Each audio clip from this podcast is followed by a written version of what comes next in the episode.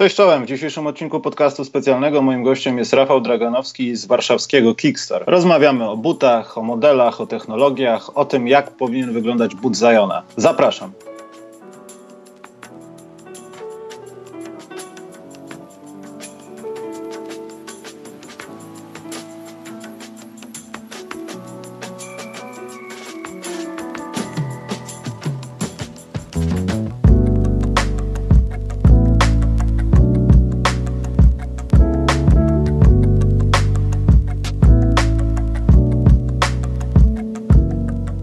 Rafał. Cześć Michał. Ja nie wiem, może stworzymy właśnie taką serię, co w butach piszczy, aczkolwiek po tym odcinku podejrzewam, że będzie fala ludzi, która nie będzie się zgadzała z tym, co powiemy na przykład. Zdaję sobie z tego sprawę, Rafał, dlatego musisz godnie reprezentować świat obuwniczy. Zrobię co w mojej mocy, jednak jest to mój pierwszy występ, jakikolwiek. Wykon, wykon twój pierwszy, mówisz? tak jest.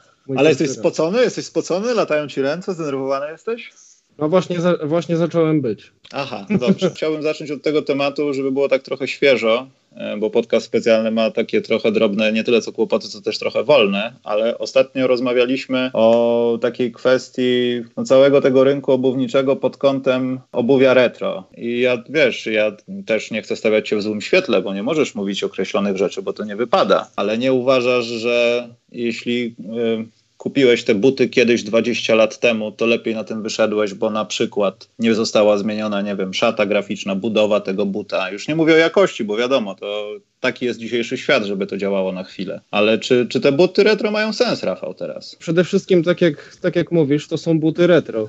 Kiedyś to było po prostu wydanie OG, one służyły do grania. Obecnie są to po prostu reedycje tych butów, także jakby jest to, produkt wygląda tak samo, jak e, wyglądał w oryginale, aczkolwiek no, jest pozbawiony faktycznie technologicznie, powiedzmy, jednej poduszki albo ma inną grubość danej poduszki gazowej. Ale z czego to, to wynika? No. To, to, to, wynika z, nie wiem, oszczędności finansowych, innego pomysłu projektanta, no bo to może będzie lepsze albo odporniejsze niż w tamtych wersjach? Czy to, nie, to jest po prostu... Pro, myślę, że projektant tam już powiedział swoje te 20 lat temu. To po prostu jest, wiesz, oszczędność.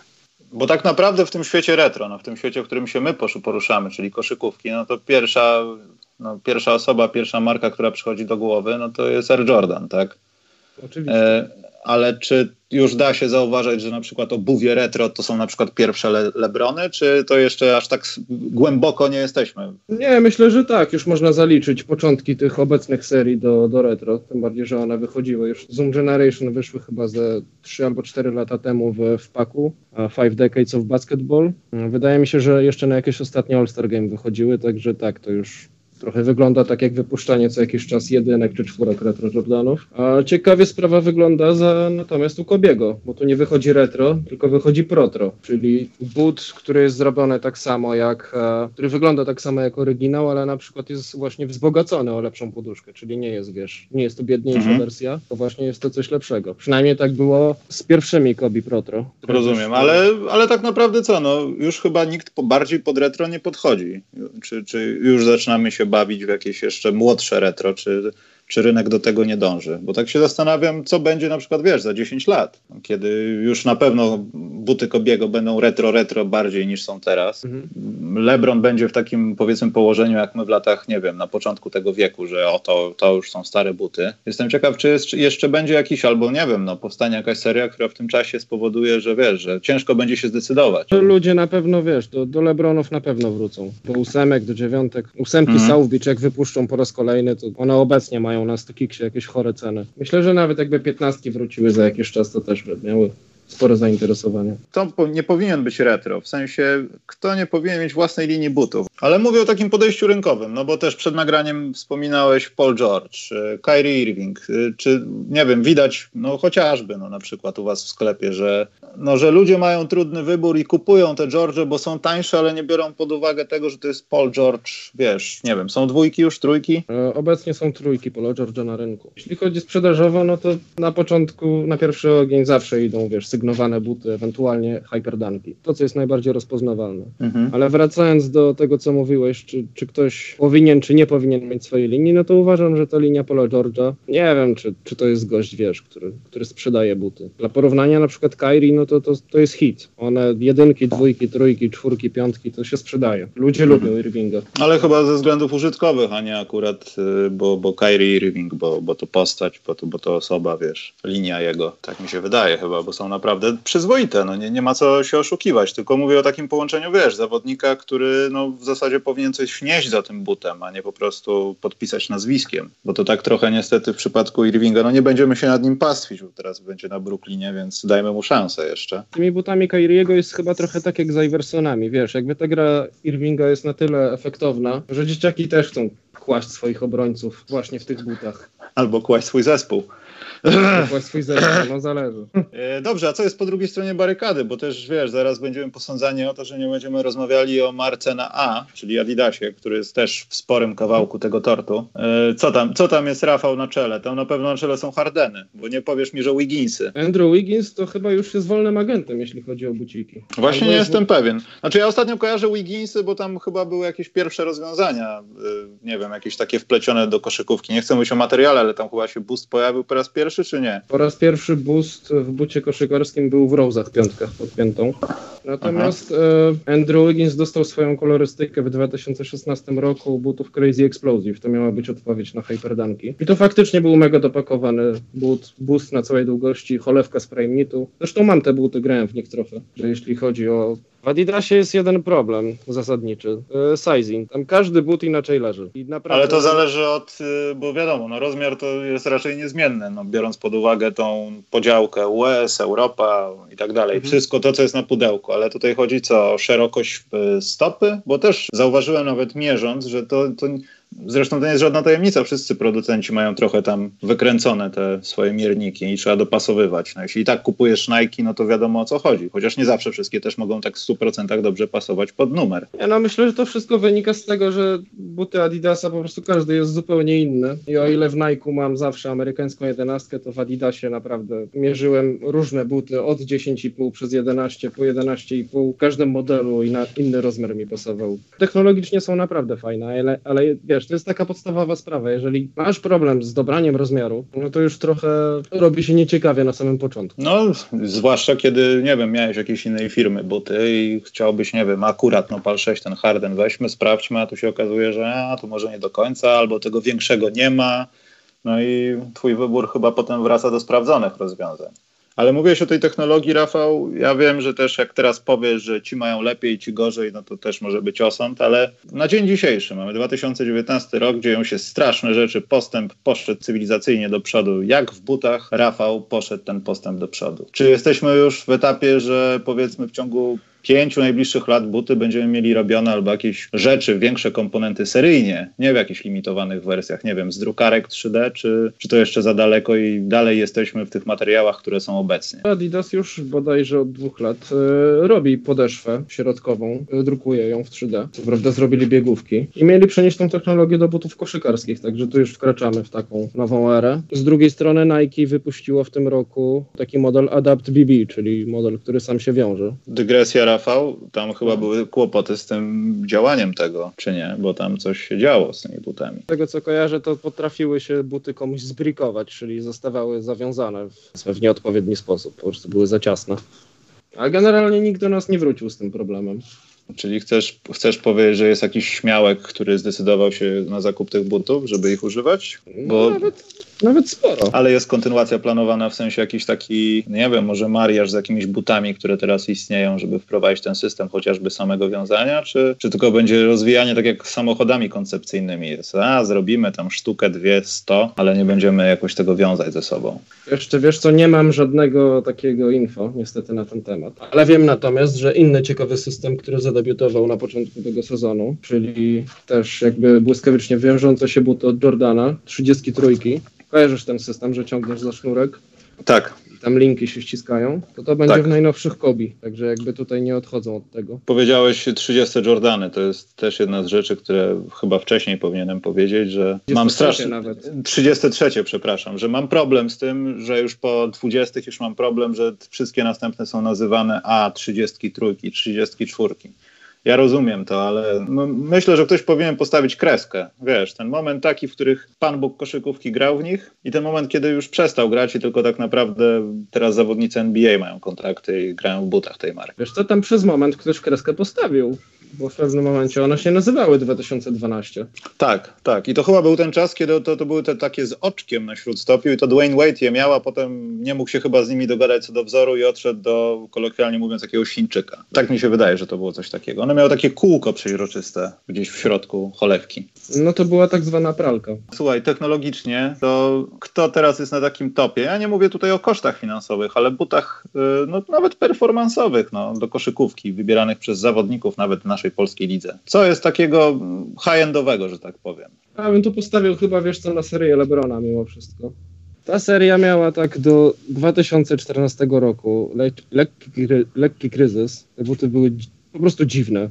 Były całe z plastiku. Ale od bodajże poprzednich Lebronów, Lebronów 15, postawili tam z powrotem na najnowsze technologie. Zarówno 15, jak i 16 są wyposażone w cholewkę z Battle.nitu, czyli jakby jest to po prostu grubsza wersja materiału Flyknit. Dodatkowo masz e, amortyzację Zoom R, i to jest chyba najlepsza forma amortyzacji, zarówno jeśli chodzi o doznania, jak i o, jak i o samo zdejmowanie, że tak powiem, ciężaru gry z Twoich stawów. Chociaż tutaj pewnie Adidas ma sporo do powiedzenia w tej sprawie, bo Boost też działa bardzo dobrze. E, No jest to najbardziej dopakowana seria technologicznie, jeśli chodzi o Nike. W szesnastkach nawet dodali tutaj bardzo dobrą trakcję, co w Lebronach rzadko się zdarzało. Myślę, że konkurencja jest, ale jeżeli ktoś szuka buta, który zapewni mu wszystko, dosłownie wszystko, czego można oczekiwać od buta koszykarskiego, to Lebrony 16 mają to wszystko. Jeżeli chcemy tknąć tematu żywotności buta, to powiem tak, no te buty, nie oczekujcie, że one będą, że obecne obuwie będzie trzymało się tyle, co Jordane 12, oryginalne Jordane 12. Wiesz co, bo też mi taka jedna rzecz przyszła do głowy i też trochę dla słuchaczy chciałbym, bo ty też może to zrewidujesz, yy,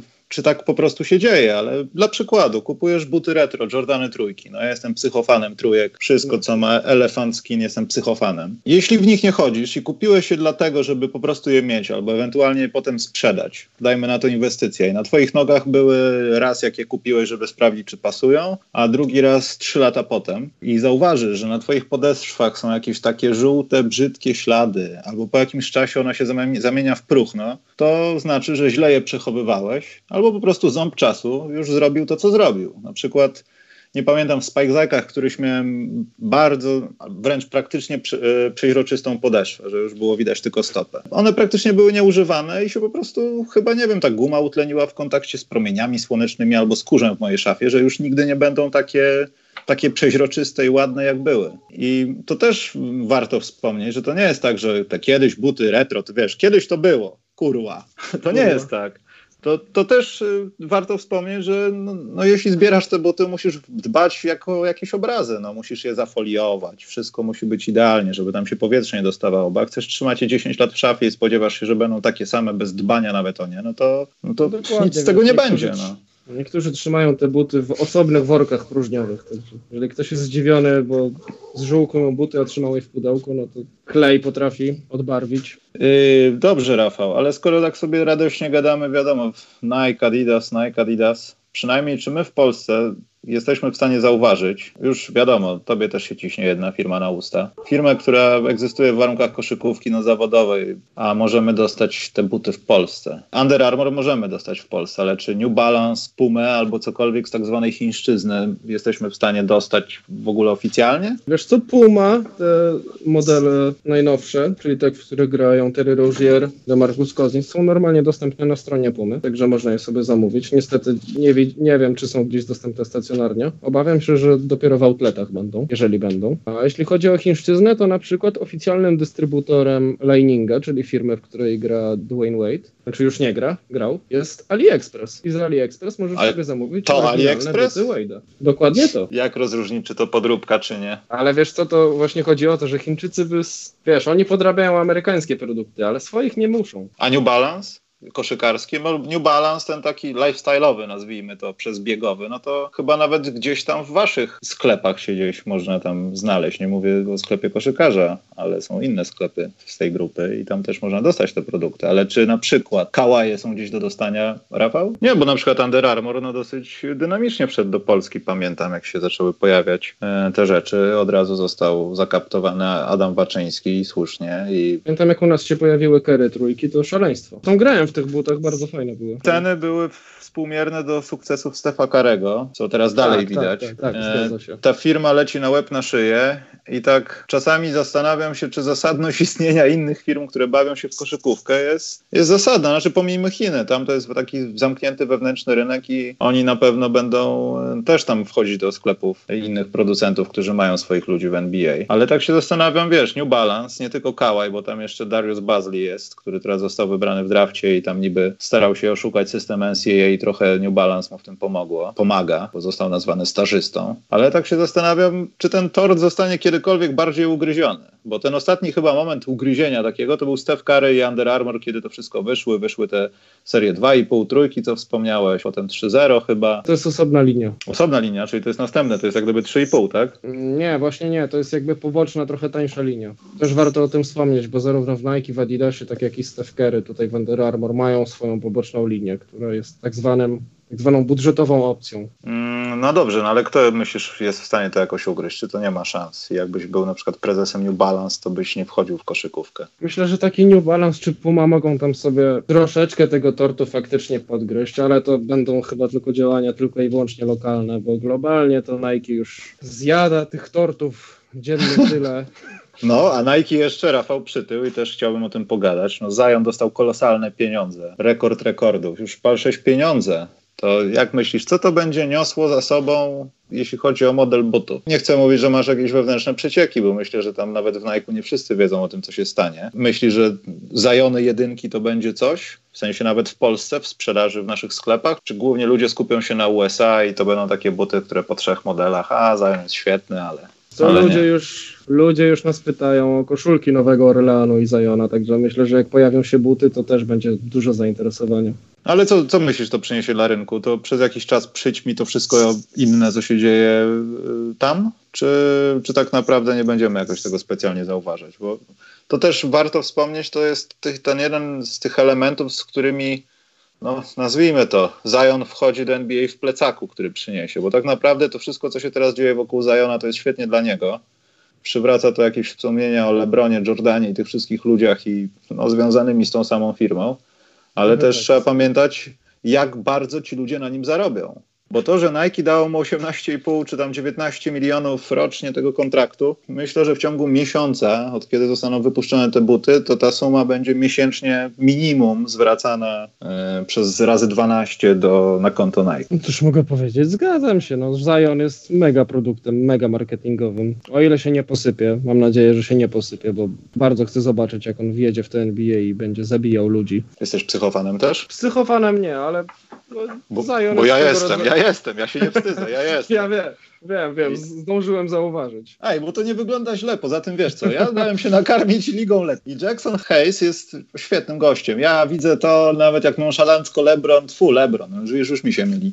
Zion biegnie z piłką, zamknąłem oczy teraz i on podaje lobem i on zabija wszystkich jak JaVale McGee, kiedy mu się chciało. I to będzie piękne. Prawdopodobnie tak nie będzie, ale Ja czekam, wiesz, na pojedynek Zajona i Luki. Chciałbym zobaczyć tego, tego potwora. Jednocześnie jak sobie poradzi przeciwko... Znaczy wiem, że pewnie nie będą grać przeciwko sobie bezpośrednio. Ale wiesz co, na początku to nie była aż taka sensacja. Też miałem takie wrażenie, że trochę za mało o nim mówią, a nagle jak zaczęli mówić, to uzmysłowili sobie, że on jednak jest z Europy i tam jest taki kraj, gdzie on się urodził. Ja tutaj mówię o opinii, bo wiadomo, skauci, eksperci, no to wiedzieli od dawna, wszyscy wiedzieli od dawna. To samo dotyczyło Kristapsa. Pamiętam, jak Rafał już kiedyś mi opowiadał, że no jest taki gość, nazywa się Porzingis i on naprawdę będzie dobry. I wydawało się, że, że raczej też Amerykanie nie, nie, nie będą nawet na niego patrzyli. Amerykanie nawet przez chwilę buczeli na Kristapsa. No i na wszystkich buczą tam. No, to nie są Amerykanie, to są Nowojorczycy, zacznijmy od tego. Tak, to jest prawda, specyficzne to są, miejsce. To są kibice Knicks. Ale życzę im jak najlepiej, bo Szkoda byłoby, żeby oni byli tam, gdzie są. Natomiast jeżeli chodzi o pojedynek Zajona, no to wiadomo, ja na Lebronka liczę, że tam pokażę mu, że kto jest tutaj dłużej, ale to arcyciekawe będzie z silnymi ludźmi, jak na przykład Joel Embiid, jeśli będzie grał. Zastanawiam się, jak ta siła będzie wpływała na drugą siłę, bo jest ten moment z NCAA, kiedy no Taco Fall, który zasadzie podpisał z Bostonem umowę, naprawdę sprawiał kłopoty Zionowi. Po prostu był od niego wyższy, tu już nie chodziło o siłę fizyczną, po prostu ktoś był dłuższy i Zion musiał się cholernie starać, żeby zdobyć punkty. I co prawda ostatnia akcja była dla Ziona w tym meczu i udało się sponiewierać Tako, który szedł chyba za faule, albo miał dużo fauli w tym meczu. I to też pokazało, że Zion w NBA może mieć kłopoty z takimi ludźmi. Taki Joel Embiid, ja bardzo czekam na to. Stając w temacie obuwniczym, no wiadomo, nie wiemy jak będą wyglądały buty Ziona, ale jakbyś Rafał mógł złożyć ze wszystkich butów jakie są teraz na rynku, model dla Zajona, to co byś tam powkładał, żeby mu się nie rozjechały, tak jak w NCAA? To będzie dosyć zabawne, bo ja bym właśnie go wsadził w Kairi, że ja bym te Kairi wzbogacił o amortyzację z Lebronów. No i niech biega sobie w tych butach, bo myślę, że tam akurat, wiesz, on miał jakąś swoją spersonalizowaną wersję tych Kairi. Może tam po prostu jakiś szef nie wytrzymał. Mhm. Przez to, że wiesz, miał pokolorowane je dla siebie. E, no, gość jest potężny, tak, także potrzebuje stabilizacji bocznej w stopie. No, a potrzebuje też amortyzacji, także myślę, że taki Kairi z poduszką z Lebronów byłoby rozwiązanie idealne. Jaką byś dał cenę sklepową? Byłaby droższa od Lebronów, czy nie? Myślę, że nie. Myślę, że byśmy się w siedmiu stówkach zamknęli. Nie wiem, 649, coś takiego. Dobrze, sprawdzimy jak to będzie naprawdę. Jeśli tak nie będzie, to wiem co z tym zrobić. Czy wiesz, tu też jest bufor w postaci głównej linii Jordana, czyli 34 pewnie będą kosztować około 8 stówek. Bo to też warto wspomnieć, że ta gradacja zawsze cenowa, no to też jest jakieś takie pokazanie, to jest trochę wyżej w tej hierarchii. To już nieważne jak jest zrobiony but albo z jakim nazwiskiem, ale te ceny też coś pokazują. To taki jest, nie wiem, stan społeczny w sprzedawaniu butów. Trochę tak jest. Dobrym przykładem jest linia Kobiego. Te buty są bardzo drogie. Czy już obecnie są trochę tańsze, ale na przykład były Kobi 11, które chyba kosztowały w pierwszej cenie 7 czy 8 stówek. Tam w tej wersji nie Elite, czyli w tej podstawowej, tam nie było nic specjalnego. Tam była cholewka z meszu i wkładka z Lunaru. Lunar to jest bardzo ciekawy materiał. Jeśli nie rozumiecie tego, co powiedział Rafa, użyjcie Google'a. Natomiast Lunar to jest taka pianka, bo wiem, bo mam Lunar Force 1, tak się chyba nazywały która jest bardzo lekka. Czasami jak się tam gdzieś trafi w coś takiego jakiegoś twardszego, to zostaje ślad, więc ona może po bokach mieć jakiś kłopot z od, zwracaniem do swojej starej formy, ale naprawdę jakiekolwiek buty z tą podeszwą e, sprawiają wrażenie, jakbyś po prostu wyszedł w klapkach. Są strasznie lekkie przede wszystkim. Tylko nie wiem, jak się sprawują w warunkach koszykarskich, w sensie, że to jest jakikolwiek sens. Wiesz co, mam jedne buty na lunarze. Kobe Mentality. Gr A, myślałem, że Gregi Odeny jedynki. Gregi Odeny jedynki to pewnie jest jakiś model cool. To jest ten, to jest ultra retro, z Big Free teraz. Używam tych Kobe na dworzu, jest w pełni wystarczająco, a waży ponad 90 kg, także wszystko jest ok.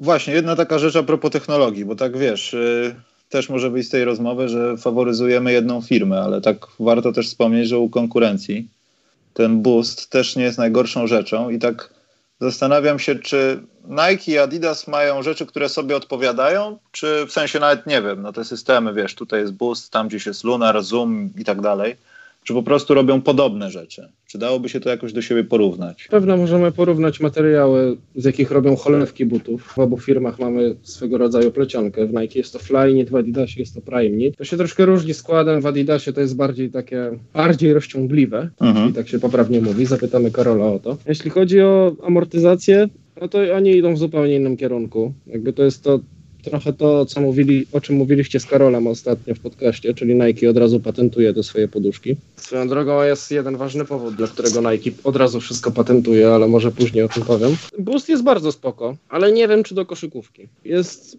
yy, goście z Adidasa mi mówili kiedyś, że niektórzy zawodnicy, tacy profesjonalni, skarżyli się na to, że za bardzo się zapadasz w tym bucie i mają za wolną reakcję. Że mhm. na przykład woleli grać w, e, w butach Adidasa z pianką Bounce. Tą piankę są na przykład wyposażone Lillardy, tańsze modele Adidasa. Było coś takiego na przykład Pro Bounce. To jest, to wygląda jak kawał gumy po prostu w podeszwie środkowej. Działa podobnie jak Lunar, także jest to swego rodzaju powiednik Lunaru w Adidasie. Ja sam w tym nie grałem, ale wielu znajomych jest bardzo zadowolonych z, z samego bounce'u. Mówię, w buście ja grałem, amortyzacja była bardzo spoko, ale jeżeli niektórym zawodowcom przeszkadza to, że za bardzo siadasz w tym bucie, to jestem w stanie to zrozumieć, bo faktycznie jest to bardzo, bardzo miękka pianka. Dobrze, Rafał, mówiłeś o y, patentach Nike, to co, co, co oni tam tak patentują? Dobrze patentują, aczkolwiek jakby nauczyli się trochę, nie wiem czy do końca na swoim błędzie, ale Nike zaczynało swoją działalność jako firma Blue Ribbon swego czasu sprzedawali po prostu na amerykańskim rynku Asicsy. Wtedy to się nazywało Onitsuka Tiger.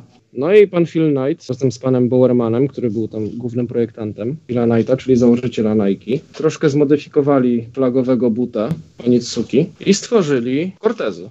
No i potem się sądzili właśnie z firmą z Japonii, z Onitsuką. Doprowadzili do tego, żeby proces był, tak powiem, rozegrany całkowicie w Stanach, dzięki czemu wygrali sprawę. No ale przez to... Myślałem, że masz pretensje o patentowanie materiału, bo Flyknit, w ogóle sama ta plecionka, to jest materiał, który był używany przy dla kosmonautów. Bo tam są jakieś wysoko naprężeniowe linki teflonowo, jakieś tam, proszę ciebie, i to zostało patentowane przez NASA. I to też jest w zasadzie zabawne, że wiesz, tutaj patent na buty muszą mieć, ale tak naprawdę to jest kupowanie technologii, która, no wiadomo, po iluś latach wchodzi do codziennego użytku, bo jest coraz tańsza w wyrobie albo coraz popularniejsza cokolwiek, tak jak drukowanie 3D. No jest teraz w zasadzie dla każdego za kilka stów kupujesz drukarkę, która zrobi ci e, Gogę Bitadze z draftu, figurkę na przykład, w skali 1 do 1. Nie, no i, no i wiesz, i ty też mnie zastanawia, czy na przykład, nie wiem, Nike ma jakiś specjalny dział, który patentuje ich własne technologie, o ile takie mają, czy to w ogóle nie wchodzi w grę, tylko są właśnie patenty na modele butów albo na wzory. Same buty nie grają, w tym sezonie będą grali ludzie w innych klubach, w tych samych butach powiedzmy. Kto, Rafał, zdobywa mistrzostwo NBA w tym sezonie? Chciałem się dowiedzieć. Nie wiem, czy to jest dobry moment na zadawanie takich pytań. Najlepszy to jest moment. W sierpniu w Stanach już wiadomo, kto ile czego wygra, Rafał. Musimy dopasowywać się do mediów najlepszego nurtu, więc musisz odpowiedzieć na to pytanie. Myślę, że Clippersi, tam jest bardzo dobra paka. Tak? I z kim wygrają w siedmiu meczach? Myślę, że z Bucks. Może nie wygrają, ale będą się z nimi mierzyć. Odważnie. A mi wydaje się, że to nie będą Clippers. Znaczy ja za miesiąc powiem, pewnie we wrześniu. Jak ktoś słucha tego we wrześniu, to wychodzę na skończonego idiotę. Ale wydaje mi się, że to nie będą Clippers właśnie. E, wydaje mi się, że to... Nie, nie powiem tego. Nie przychodzi mi przez to przez usta, ale... Nikt nie... Nie, no nie, no to by mi przeszło. Im współczuję i lubię.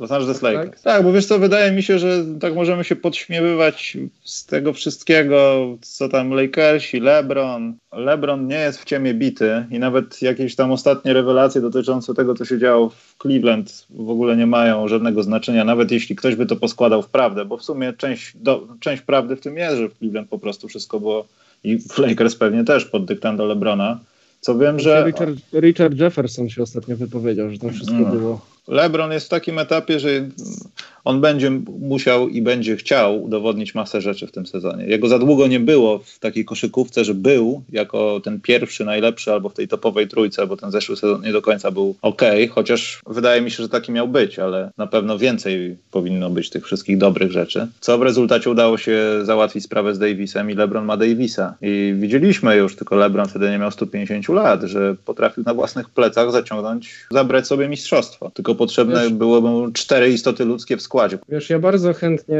zobaczę Lebrona, który ponownie wygrywa wszystko. Jakby Lebron to jest mój ulubiony koszykarz z NBA. A, aczkolwiek nie wiem za bardzo, co, co myśleć o jego grze po tym ostatnim sezonie. On miał momenty, że grał jak Lebron, ale miał też momenty, że wiesz, toczył tą piłkę przez całe boisko, potem ją tracił. To było takie dziwne. Ale z drugiej strony, kto miał to, to robić takie wtedy? Małe dziwne, małe, dziwne rzeczy, o których ty lubisz mówić. A, rzeczy. To były te rzeczy. Wiesz co, LeBron, już wielokrotnie to mówiłem, no, że LeBron wchodząc do tego układu doskonale wiedział i wszyscy wiedzieli, że ten układ nie będzie taki, że oczekiwania będą, o, zrobimy coś w pierwszym sezonie. Nie, czekamy na właśnie to lato, żeby się udało ściągnąć odpowiednich ludzi i zrobić e, Space Jam 2 po prostu w szatni Lakers. E, I wydaje mi się, że ta cała sytuacja, na, nawet jeśli no, ten skład dalej będzie, reszta poza LeBronem i Davisem będzie no i tam Kuzmą e, będzie mocno dyskusyjna, no to mimo wszystko LeBron już nie, nie ma żadnej wymówki. No. Już, już teraz albo, albo ten projekt Lakers może się znowu za rok okazać niepotrzebny. Ale na szczęście w mojej głowie roi się jeszcze taki jeszcze bardziej chory pomysł i on mi się bardzo podoba. Houston Rockets. Tak to jest tak,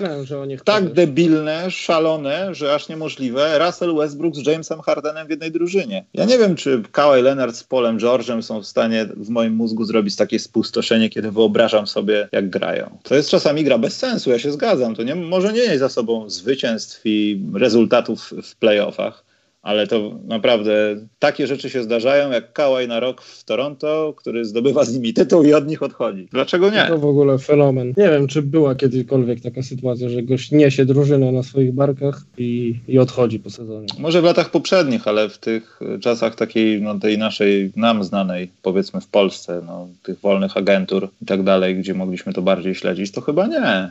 Zastanawiam się trochę co z Szakiem, ale Szak potem, no wiadomo, musiał skakać z kwiatka na kwiatek, żeby, żeby osiągnąć swój, swój przemyślany cel po prostu, więc jego chyba nie liczę za specjalnie, ale no, postać Kałaja też niejako uratowała koszykówkę, bo trochę zabiła tą, tego smoka strasznego, który był ranny bardzo, czyli Golden State Warriors, ale też trochę zabrała show LeBronowi. I myślę, że w tym roku będziemy widzieli rezultaty tego nadepnięcia na odcisk. No wiesz, powstało już mnóstwo memów, ale jeżeli osobno, wiesz, Westbrook i Harden są, pod, są w stanie zrobić to, co są w stanie zrobić z obroną drugiej drużyny, to nie ma innej osoby niż Mike D'Antoni, która mogłaby to połączyć, moim zdaniem. Pod, podałeś to nazwisko, nie ma innej osoby. Obawiam się, że Melo może gdzieś tam zakrążyć. A myślisz, że Melo wróci, czy to już jest po ptokach? Dalej staram się twierdzić, że Melo jest cały czas w ukryciu i w swojej czapeczce albo w swoim kapturku biega i rzuca milion rzutów dziennie, po czym zastanawia się, czy to już, czy to już jakąś ofertę można, może zacząć dzwonić gdzieś.